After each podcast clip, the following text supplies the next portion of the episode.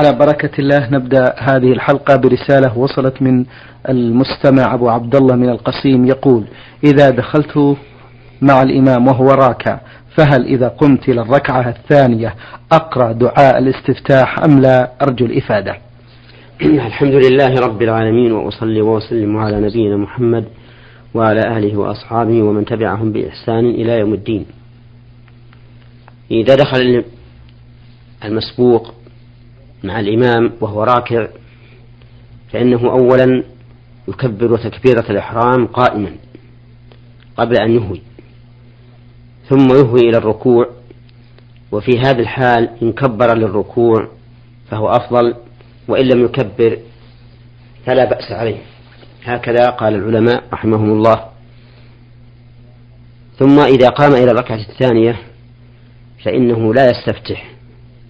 لأن الاستفتاح إنما يكون في أول الصلاة وأول الصلاة قد مضى فهو سنة فات محلها فلا تقضى في غير مكانها ولكنه يتعوذ بالله من الشيطان الرجيم من أجل القراءة. نعم. بارك الله فيكم. لبست الجوارب وعند الوضوء نسيت هل لبستهما على طهارة أم لا فماذا علي؟ يجب عليك أن تخلعهما وأن تغسل قدميك. وذلك لأن هذا شك في وجود الشرط والأصل عدم الوجود. فلا يحل لك أن, تلب أن تمسح على الجوارب وأنت في شك هل لبستهما على طهارة أم لا. إن المسح على الخفين جائز بكتاب الله وسنة رسوله صلى الله عليه وسلم. أما في كتاب الله ففي قوله تعالى يا أيها الذين آمنوا إذا قمتم إلى الصلاة فأصلوا وجوهكم وأيديكم إلى المرافق وامسحوا برؤوسكم وأرجلكم إلى الكعبين على قراءة الجر لأن في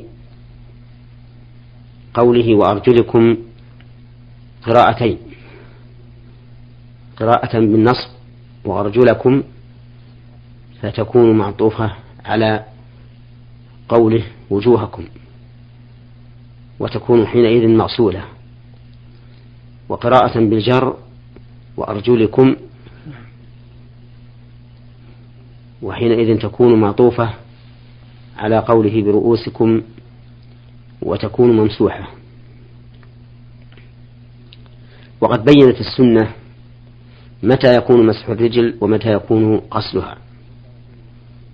فيكون غسلها إذا كانت مكشوفة ويكون مسحها إذا كانت مسورة بالجوارب أو الخفين. وأما في السنة فقد تواتر ذلك عن النبي صلى الله عليه وسلم من قوله وفعله.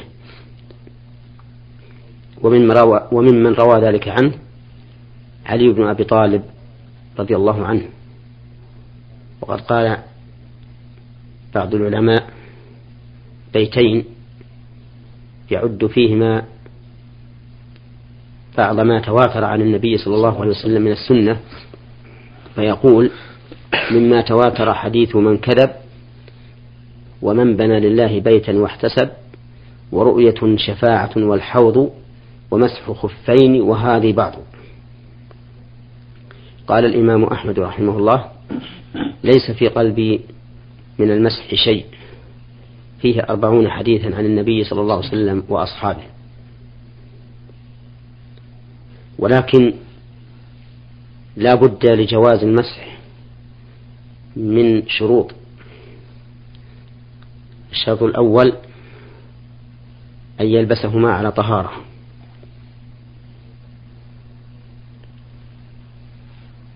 لقول المغيرة بن شعبة رضي الله عنه كنت مع النبي صلى الله عليه وسلم في سفر فتوضأ فأهويت لأنزع خفيه فقال دعهما فإني أدخلتهما طاهرتين. ثم مسح عليهما.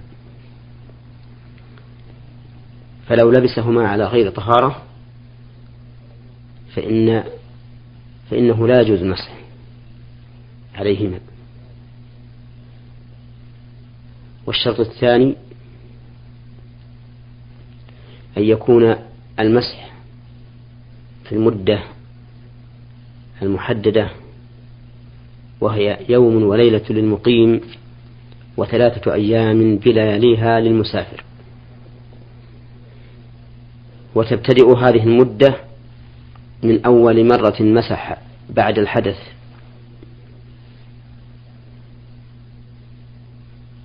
ولا تبتدئ من الماء من اللبس ولا من الحدث بعد اللبس حتى يمسح. لأن النبي صلى الله عليه وسلم وقت المسح. فقال يمسح المقيم يوما وليلة والمسافر ثلاثة أيام يعني في المسح الخفين. ولا يتحقق المسح إلا بفعله وعلى هذا فلو أن أحدا توضأ لصلاة الفجر ولبس الخفين أو الجوربين ثم أحدث قبل الظهر بساعتين ولم يتوضأ ثم توضأ لصلاة الظهر فإن ابتداء المدة من الوضوء لا من الحدث الذي قبل الظهر بساعتين. ولو قدر أنه توضأ لصلاة الفجر ولبس خفيه أو جوربيه وبقي على طهارته إلى صلاة العشاء ثم نام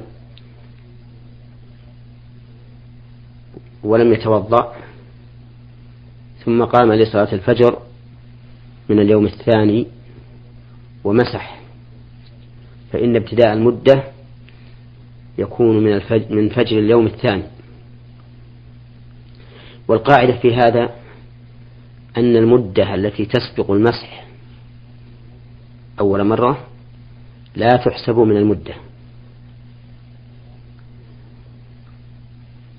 وبهذا نعرف أن ما اشتهر عند العامة من تقييد المدة بخمس صلوات ليس مبنيا على أصل صحيح لأن المثال الثاني الذي ذكرناه. قد مضى على هذا الرجل اللابس أربع صلوات الظهر والعصر والمغرب والعشاء وكلها لا تحسب من المدة وسيكون ابتداء المدة من صلاة الفجر من المسح لصلاة الفجر من اليوم الثاني. أما الشرط الثالث فهو أن يكون المسح في الحدث الأصغر أي في الوضوء لا في الغسل من الجنابة أو غيرها من موجبات الغسل. ودليل ذلك حديث صفوان بن عسال رضي الله عنه أن النبي صلى الله عليه وسلم أمرهم أن يمسحوا يوما وليلة للمقيم وثلاثة أيام للمسافر. وأن لا ينزعوا خفافهم إلا من جنابة ولكن من غائط وبول ونوم. الشرط الرابع طهارة الخف أو الجورب لو لبس خفا مصنوعا من شيء نجس كجلد الحيوان النجس فإنه لا يمسح عليه. هذه الشروط الأربعة التي لا بد من تحققها لجواز المسح على الخف أو الجورب. وأما الخروق التي تكون في الجورب فإنه لا فإنها لا تضر. ما دام اسم الجورب باقيا وذلك لأنه لا دليل على اشتراطها. ولأن السلامة منها قد تكون نادرة أو قليلة. ولأن كل شرط يضاف إلى حمل من الأعمال فإنه يضيقه ويقيده وما كان كذلك فإنه لا بد فيه من دليل عن الشارع. وليس هناك دليل يدل على اشتراط ألا يكون الجورب أو الخف مخرقا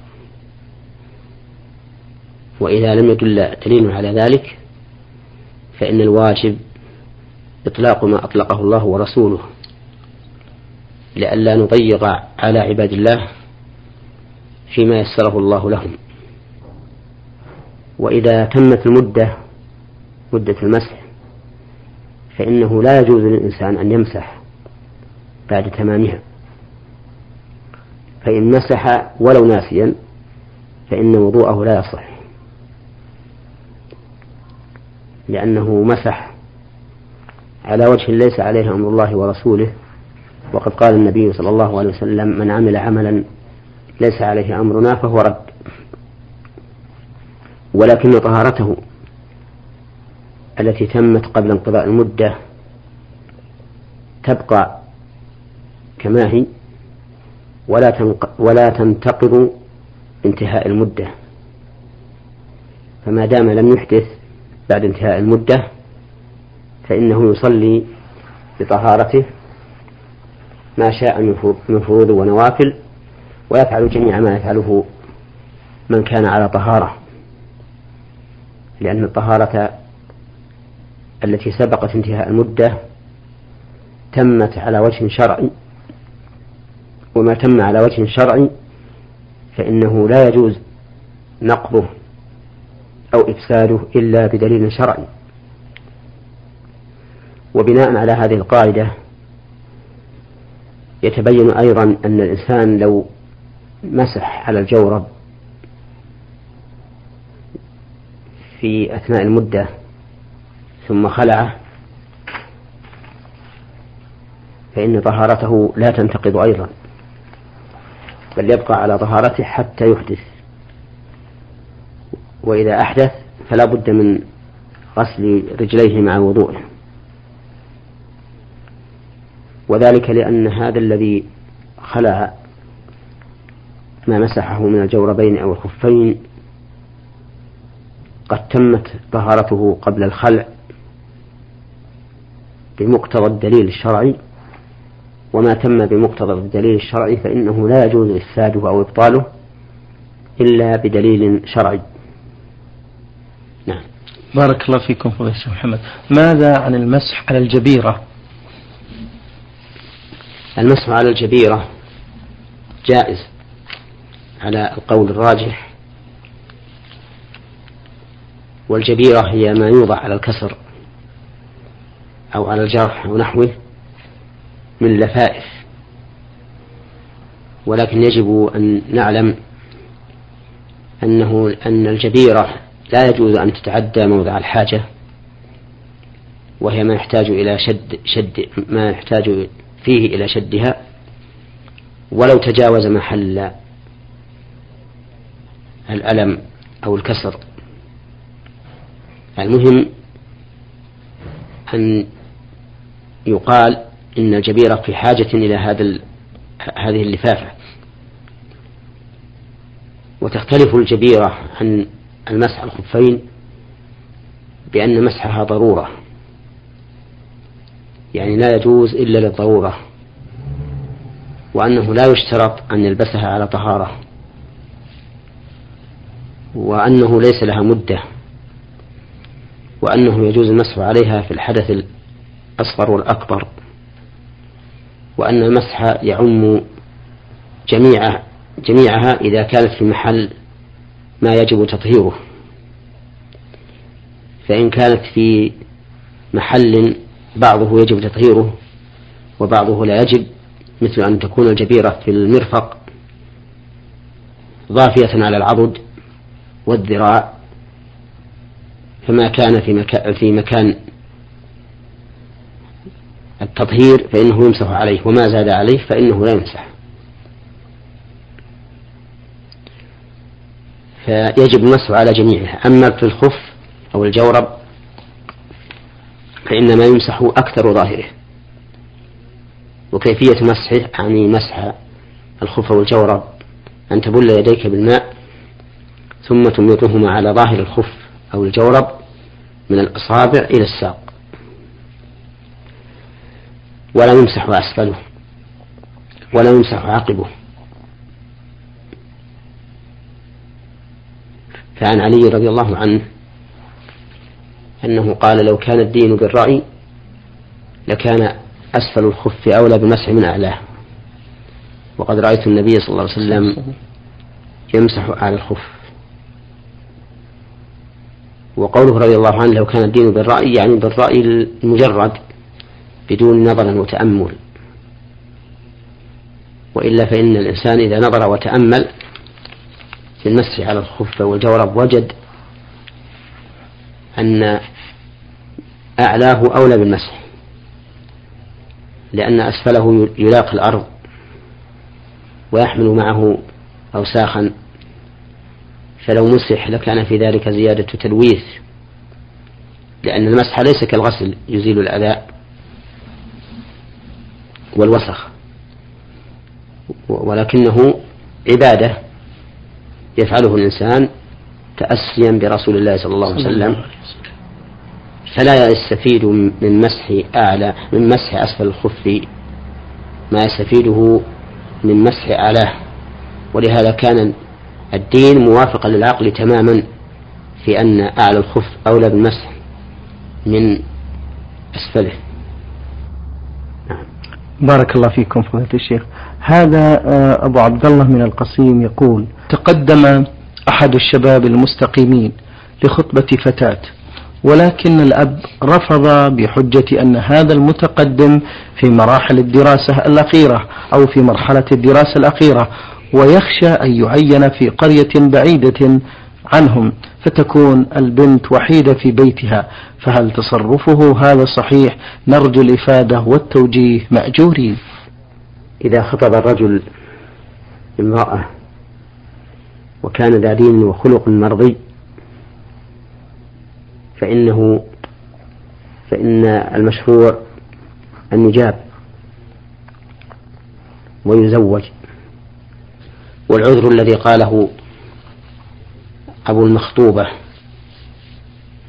في السؤال عذر لا يمنع من تزويجها ولا يحل لأبيها إذا كانت راغبة في هذا الخاطب أن يمنعها من أجل هذا العذر لأنه ليس لأنه ليس عذرا شرعيا.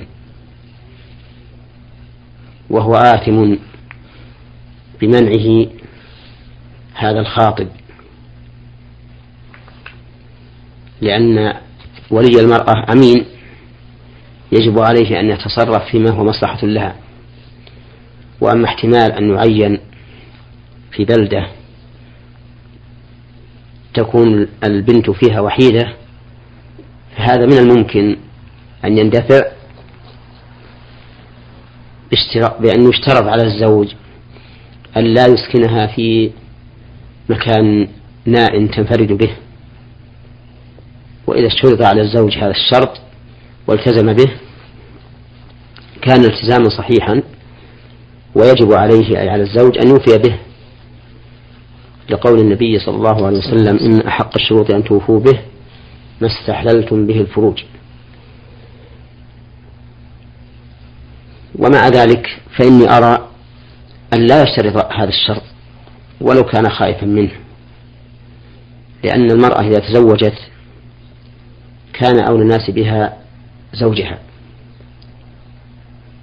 وإذا كانت العلاقة حسنة فإنه سوف يفعل كل ما فيه مصلحتها وأنسها وسرورها. نعم. بارك الله فيكم. أبو عبد الله يقول في سؤاله الآخر إذا دخل الشخص دورة المياه وفي النية أنه يتوضأ ولكن بعد الخروج لا يدري هل توضأ أم لا وقد وقد تكرر ذلك عنده عدة مرات. إذا كان هذا الشك الذي يعتريه شكا دائما فإنه لا يلتفت إليه لأنه يشبه الوسواس. بل هو وسواس. أما إذا كان طارئا فإنه لا يجب عليه أن يتوضأ لأنه شك في وجود الوضوء والأصل عدم وجوده.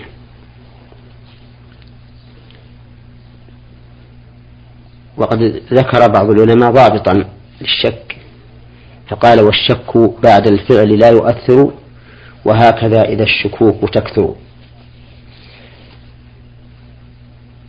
فنقول لهذا السائل إذا كانت عادتك أو إذا كان أكثر عادتك أنك تتوضأ وكثرة الشكوك معك في أنك لم تتوضأ تبني على على العادة على العادة الأكثر وعلى أنك متوضئ. أما إذا كان الشك نادرا فإن فإنه يجب عليك أن تتوضأ لأن الأصل عدم وجود الوضوء. بارك الله فيكم. آه، يسأل عن عبارة آه، عبارة أو قول أنا على باب الله. نعم. هذه العبارة يطلقها بعض الناس يريد أن يبين أنه ليس عنده شيء من هذا الذي سئل عنه مثل أن يقال له هل عندك مال؟ فيقول أنا على باب الله. أو هل هل تعرف كذا؟ أو هل أنت طالب علم؟ فيقول أنا على باب الله. هل أنت متزوج؟ فيقول أنا على باب الله. يعني ليس عندي شيء. ولكني أسأل الله سبحانه وتعالى أن ييسر لي هذا. هذا هو معنى العبارة عند الناس وليس فيها شيء. بارك الله فيكم. هذا مستمع للبرنامج من القصيم لم يذكر الحقيقة الاسم يقول شخص له أرض زبالة آه، في شارع يمر عليها الناس فأرادت إحدى الشركات تثمين هذه الأرض القريبة من الشارع والقيام بتعويضه عنها فأراد أن يسأل ما هو الأفضل لفضيلة الشيخ؟ ترك الأرض هذه الزبالة ليمر عليها الناس وفي هذا توسع للمسلمين أو آه، إعطائها للشركة وأخذ التثمين والاستفادة منه في بناء مسجد أو مكتبة إسلامية أو مشاريع خيرية. الذي أرى في جواب هذا السؤال أن نعرض المسألة على القاضي الذي في بلده حتى ينظر وثيقة السبالة كيف وقفها صاحبها.